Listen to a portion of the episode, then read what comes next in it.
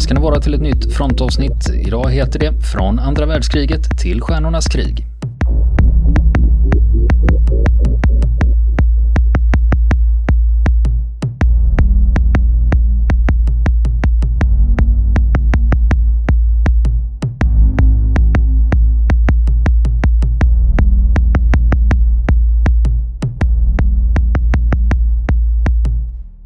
Du Niklas, hur fick du upp den här kopplingen då? Andra världskriget, Stjärnornas krig. Har de Ja. med varandra att göra överhuvudtaget? Ja, Pratar du om. Reagans eh, Star Wars från 80-talet? eller? Ja, nej, det gör vi faktiskt inte det minsta och eh, det var ju inte så att dödsstjärnan heller kom och seglade in under och hjälpte till att besegra eller bomba London eller något sånt utan ehm, vi ska prata om några skådespelare Okej. som har, var med i Stjärnornas krig och eh, som har ett förflutet. Och den första vi ska snacka om det är Obi-Wan Kenobi. Sir Alec Guinness. Sir Alec Guinness, ja precis. Ehm, framstående brittisk skådespelare. Och eh, ofta i den lite finare skolan om man säger så, inte så mycket actionfilmer. Där utan lite mer åt Shakespeare-hållet. Och Karaktärsskådespelare. Karaktärs, precis, så heter det. Så heter det. Och eh, Alec Guinness var officer i brittiska flottan under andra världskriget. Och eh, han var fartygschef på ett landstigningsfartyg i Medelhavet. Och eh, för han hade då i början av kriget gått med i någonting som kallas för Royal Navy Volunteer Reserve, alltså flottans frivilligreserv. Som, eh, ja, ska man motsv- säga någon motsvarighet på svenska så är det väl FBU då, frivillig befälsutbildning. Eh, fast för flottans del då. Ehm, och eh, 1943 så hade han blivit löjtnant i det här då men hade inte varit insatt i strid ännu. Men då blir han kommenderad till Medelhavet. Får befälet över ett landstigningsfartyg. Eh, ett landstigningsfartyg som av modell LCI. Vet vad det betyder? Landcraft Infantry. Mm, Landing Craft Infantry. Jag har nyligen plöjt Stephen Ambrose eh, bok eh, D-dagen. Ah, Och där eh, listar han ju upp de olika typerna av eh, landningsfarkoster. Och det är därför jag hade det väldigt, väldigt färskt i minnet också. LCT, Tanks. Landing Craft Tanks, ja. LCS, Landing Craft Support. Och så vidare. LCG, Landcraft Godis.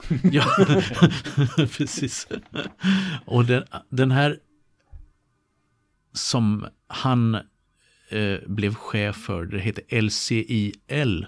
L, sista L inom parentes. Kommer fortsätta förhöret, vad betyder det då? Nej, nu, nu lyckades du faktiskt Ja. eh, knäcka mig här. Large. Åh, Ja. Att det var en stor båt helt enkelt. Och det var inte svårare än så.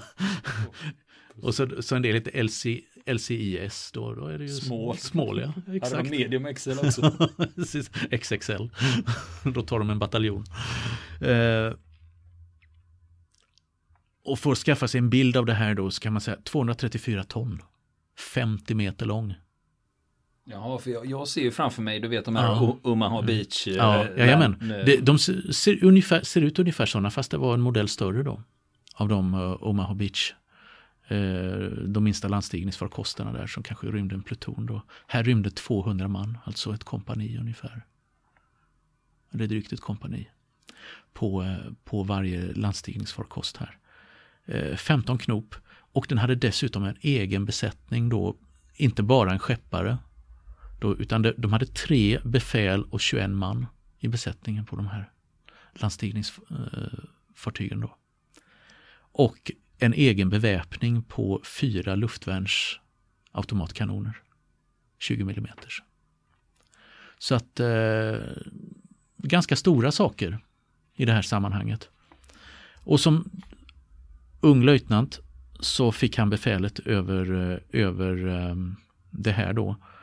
I mitten av maj 1943 så hade de tyska styrkorna, tyska och italienska styrkorna i Nordafrika kapitulerat. Kriget på den sidan Medelhavet var över. några veckor senare så kallas löjtnant Guinness och eh, en officerskollega till honom då som heter Peter Bull då som var en av hans närmaste vänner. Bull är kallad och son till en parlamentsledamot. Eh, och sen cheferna för en rad andra landstigningsfartyg kallas till en konferens då med sina överordnade chefer och då får de se fotografier av en kustlinje. Det var fotograferat från en ubåt. Eh, och de fick eh, order då att studera det här kustavsnittet. Men de fick inte Noga. reda på vad det var? De fick inte reda på vad det var. Och eh, Alec Guinness och eh, Peter Bull fick då order att ni ska koncentrera er på det här avsnittet som har en liten vit fyr. Och hans kompis då, Bully, eh, han hade en lotsbeskrivning i kajutan på landstigningsfarkosten. Så när de kom tillbaka från konferensen så gick han dit och började bläddra i den här The Mediterranean Pilot hette den. Och det tog inte lång stund så hade han identifierat fyren. Och då visste han att det här låg på sydöstspetsen på Sicilien, Capacero. Operation Husky. Yes, yes. Och eh, den här landstigningsfarkosten, LCI nummer 124, hette den. Då, som eh, Guinness, löjtnant Guinness hade befäl över. Då avseglar då eh, i början av juli som en förberedelse då för invasionen eh, av Sicilien. Så avseglar den eh, från eh, Tunisien till Malta. Och eh, det är ju rätt intressant att han har varit i, eh, i Tunisien då. Med tanke på att det var där man spelade in den första Star Wars-filmen. Exakt. Det var det som skulle föreställa Exakt. Tatooine. Jajamän. Så han kom tillbaka. ja, visst. Och ehm, eh, de avseglar till Malta då. Eh, hela den här eskaden med landstigningsbåtar som ska, som ska delta då. Och eh, den där sjöresan var rätt obehaglig för eh, Guinness del då därför att han råkar eh, halka och ramla ner från bryggan och knäcka revben. då, sina revben. Eh, men Eh, han eh, vägrar att evakueras eller sånt utan biter ihop och deltar i eh, resan och tills de anlägger då i Valletta på, på Malta då. Och eh, där hade han en stad som han hade besökt före kriget. Eh, och den hade ju förstås förändrats väldigt mycket under de här krigsåren. Det var första gången han återsåg den då. Sen kriget då. Den hade eh, utsatt för oerhört svåra italienska och tyska bombningar eh, under lång tid. Det var en brittisk stödjepunkt där. Eh, som, eh, som eh, axelmakterna ville slå ut. Då, så att det var bebyggelse och annat var ju illa tilltygat och det var ett formligt militärläger här av all möjlig militärmateriel. Då. Ehm, och eh, de stannar inte där så många dagar utan eh, redan den 9 juli 1943 så lättar man ankar och ger sig av ut på Medelhavet igen då med förseglade order i skeppets kassaskåp. Men eh, med tanke på att hans eh, kamrat Bully redan hade räknat ut vart de var på väg då så eh, kunde de ju anas, ana sig till vad som stod i orderna redan, in, redan innan de eh, fick tillstånd att sprätta upp kuverten. Så de seglade direkt till Capacero, då Siciliens sydöstra spets. Och eh, långt ute till havs, då utom, utom räckhåll för eh, då det italienska kustartilleriet, så eh, lastar man över soldater från trupptransportfartygen i de här landstigningsbåtarna och det är hög sjögång, det är väldigt besvärlig, besvärliga förhållanden. Där det vet vi också hur det kunde vara via vittnesmål från eh, D-dagen. Där, eh, där det var väldigt, väldigt besvärligt just att klättra ner från eh, de stora trupptransportfartygen ner i de gungande landstigningsbåtarna. Där där durken på landstigningsbåten i ena ögonblicket var strax under dina fötter och i nästa ögonblick fem meter ner. Så det gällde att hoppa i rätt ögonblick. Där och det var ju många som bröt benet eller slog sig halvt fördärvade. Och ibland omkom. i sådana tillfällen. Och det här var en utdragen utlast, eh, ilastning då. Besvär, mycket besvärliga förhållanden men till slut så har man fått ombord sina 200 soldater. Och ger sig iväg då, många är redan sjösjuka. Eh, Sjö, många är redan sjösjuka. Eh, och eh, Alec Guinness då leder ett halvdussin andra landstigningsfartyg då in mot kusten. Då, Sicilien där.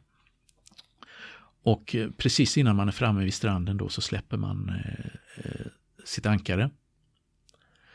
Eh, som planerat då i aktern av båten. För att det ska hjälpa till att hålla båten så att säga i vinkel, i rät vinkel mot stranden. Så att den inte driver. Ja. Du släpper ankar och så låter du motorerna gå. Så, yes, exakt. så du liksom håller exakt. den Precis. stilla. Rak kurs in där.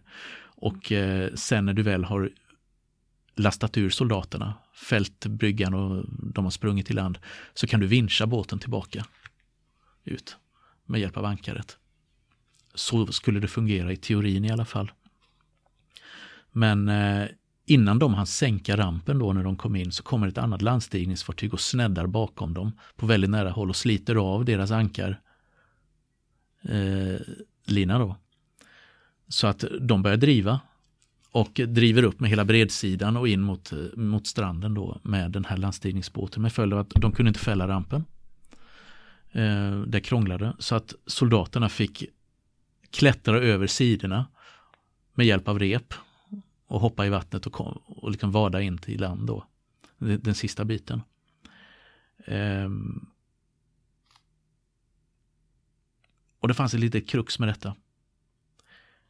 På grund av eh, ja, förmodligen tekniska problem, mottagningsstörningar eller något annat så hade de missat en viktig order på vägen in. Nämligen att invasionen hade skjutits upp med en timme.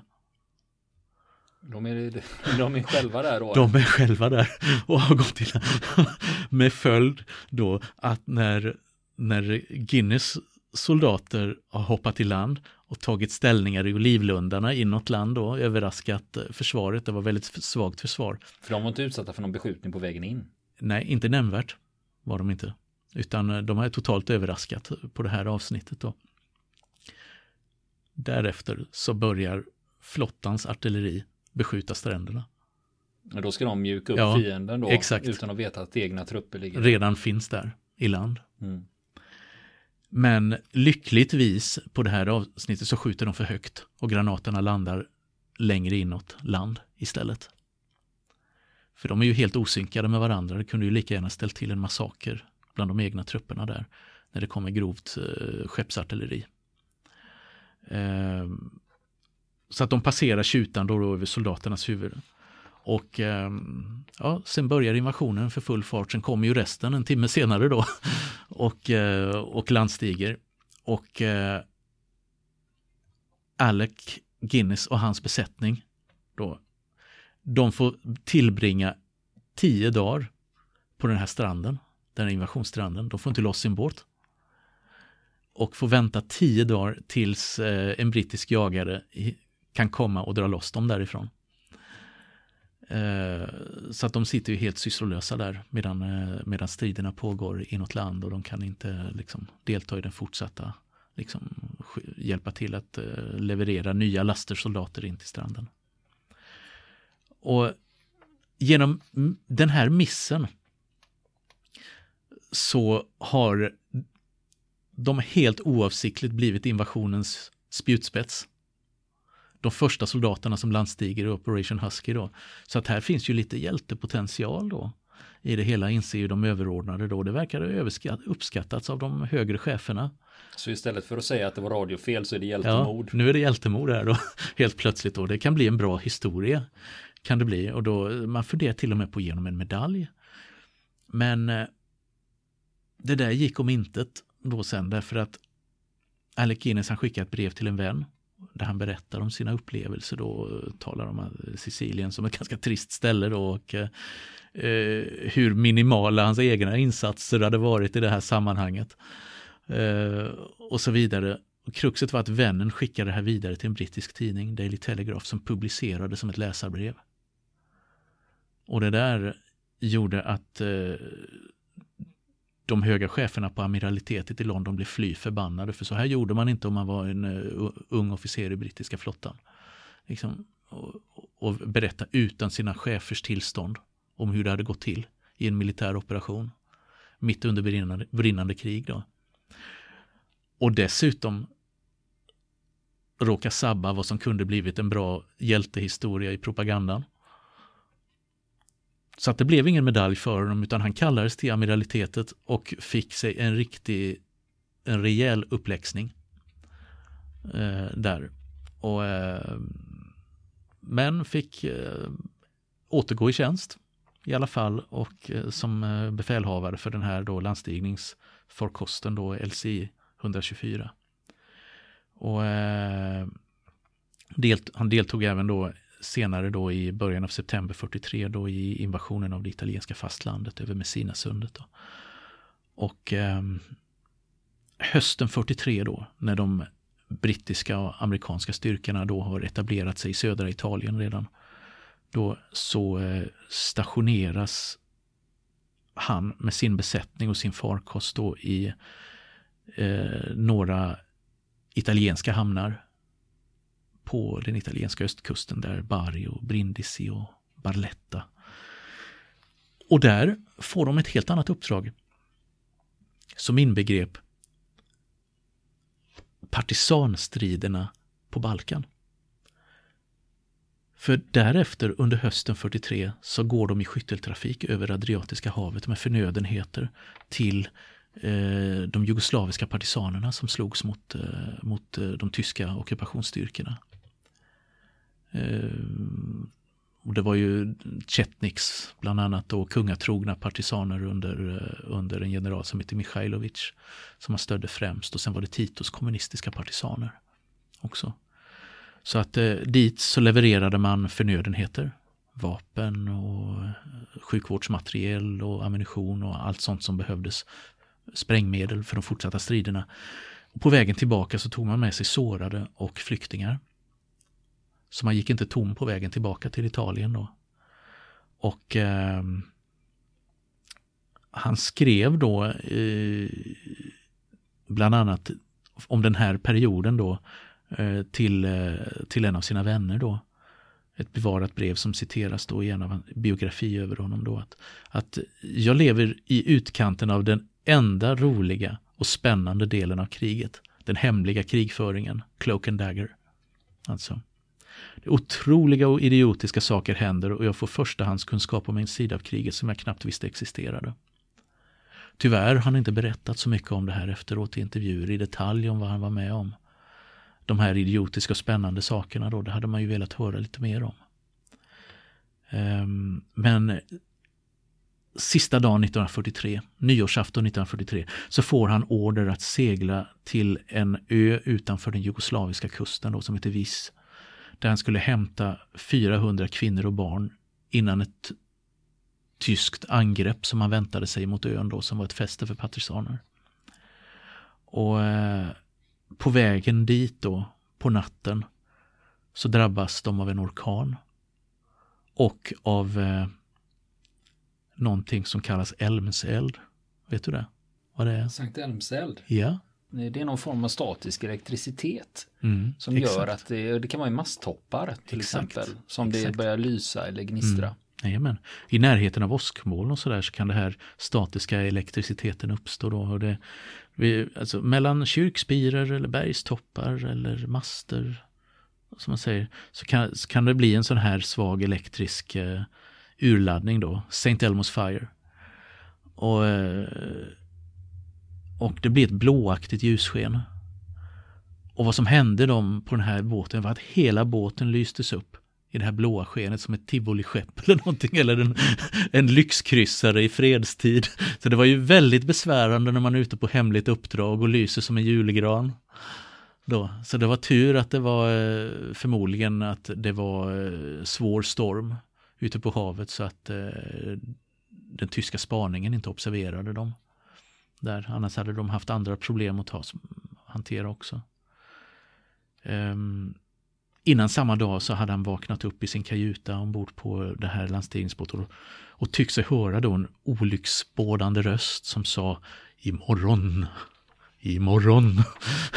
och det hade han eh, då han hade tagit det som ett för, förebud då om att eh, nu är det nog kört, nu kommer jag nog dö.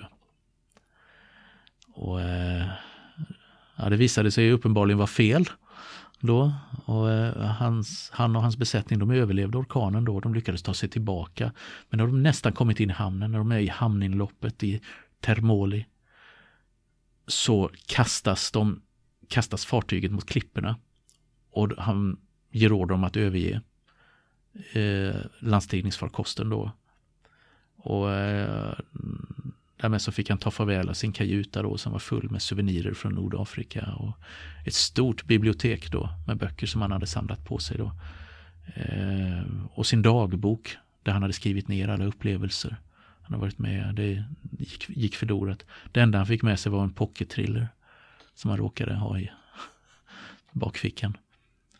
Och eh, efteråt då i sina memoarer så skrev han så här om den här tjänstgöringen då. Att när jag nu för tiden får frågan vilken som är min bästa rollprestation. Så svarar jag, den som en mycket ineffektiv, obemärkt ung officer i Royal Navy Volunteer Reserve. Den visade sig också vara den show som pågick längst som jag varit med i. Så han hade inga höga tankar om sin egen insats under kriget på något sätt, eller såg det i alla fall på det med en viss humoristisk distans. Men eh, här kan man väl säga att här har vi en jedi-riddare med krigserfarenhet. Verklig krigserfarenhet. Även om det inte var med lasersvärd. Men det är alltså historien om Alleghines krigsinsats? Eh, det är Alleghines krigsinsatser under andra världskriget. Är det. Och eh, man kan ju bara ja, jag blir lite nyfiken att tänka på det här. Vad, liksom, hur, vad funderade han kring när han plötsligt så på ålderns höst fick en Ja, du ska, du ska stå och fäktas med ett lasersvärd med en kille i svart med en hjälm som ser ut som en tysk, påminner om en tysk hjälm från andra världskriget, ombord på en eh, konstgjord planet ute i rymden. Ja, det är lång, ja. lång väg från Jugoslavien. lång, lång väg från Jugoslavien och Operation Husky i alla fall. Mm. Det är spännande. Men jag vet mm. om att på internet snurrar det ju runt massa historier. Mm. Eh, om, ja, det gör ju det. Eh, framförallt när det gäller eh, amerikanska, brittiska och även tyska skådespelare mm. av den äldre generationen. Där det då står, står beskrivet vad de har pysslat med under andra världskriget. Absolut. Och eh, en del av historierna är väl lite förbättrade. Kan man väl säga. Så mm. att där får man vara lite, försöka vara lite källkritisk och, och så. Um, Mm. Och jag tycker ju själv det här med när folk då överdriver eller hittar på, det behövs ju inte för det finns ju bra, det finns mm. ju alltid bra historier och du letar, ja. det behövs ju inte. Nej, precis, precis. Så är det. Vi har fått fältpost i fronten. Det är från Kristoffer i Göteborg. Han har ett boktips, Frontschwein av Günther K. Koschorek. Mm. Är det något du känner igen Niklas? Jajamän, den har jag läst. Och den kan jag rekommendera också. Är den skönlitterär eller Nej, är det fakta? det är en faktabok. Det är en, eh, en eh, soldat som själv har skrivit sin, tysk soldat som själv har skrivit om sina upplevelser på östfronten under andra världskriget. Och vad är det som är så fascinerande med just östfronten ur ett tyskt perspektiv? Det, ja. det, är, det är fler än eh, jag som sysslar ja, med sånt här. Det är många som, som har... har snöat in på det.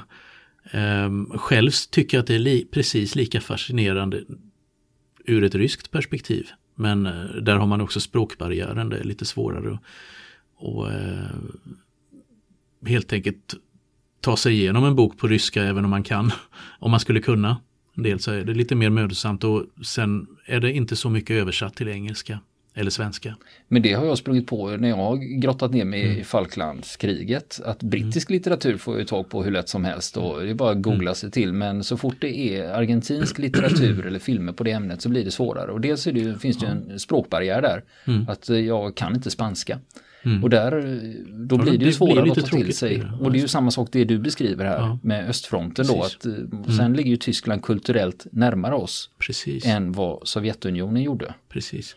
Men eh, där, där får man ju säga att eh, den här bokklubben då, SMB, har, har gjort en liten insats där eftersom han faktiskt har översatt en del böcker med eh, ryska veteraner till svenska. Och för den som eh, läser eh, engelska böcker eh, utan större hinder så då ökar ju urvalet betydligt för då finns det en del, en hel del faktiskt ehm, som att läsa till exempel en bok av en befälhavare till en straffbataljon som jag själv har funderat på att översätta till svenska. Liksom helt fantastisk historia. Jag menar, hur, hur, kan du få en befälhavare för en straffbataljon att skriva sina memoarer? Och dessutom en från Röda armén. Det kanske var preskriberat. Ja. Eller ja, utfärdat visst, någon form visst. av allmän amnesti. Precis. Precis. Och, eh, så att eh, det finns en del, men tyvärr så är det inte alls lika mycket utan det, det är ofta fokus då på den tyska sidan. Är det. Men kriget på östfronten 1941-45, det var ju världens, var och är fortfarande idag världens största militära konflikt. Till dimensionerna. Och eh, bara det gör ju att det blir fascinerande för många när man tänker på de väldiga mängder människor och materiel som var inblandade. Och de stora ytorna. Och de liksom enorma slagen som kunde omfatta eh, ett område eh, som var lika stort som Sverige till ytan ibland. Och det var bara ett enda slag. Alltså de allmänt vidriga förhållandena där som gör att det är så... Man undrar hur fan överlevde folk? Man har vädret emot sig, man kunde dö när som helst i strider. Man hade partisaner i ryggen och så vidare. Det, det finns massor av sådana här saker som gör att många vill läsa om det. Och ni missar väl inte att eh, fronten sänder live den 6 juni från Oscar IIs fort. Dörrarna slås upp klockan 12 och då är ni välkomna och eh, under två timmar kommer fronten live och sända från händelserna där. Välkomna!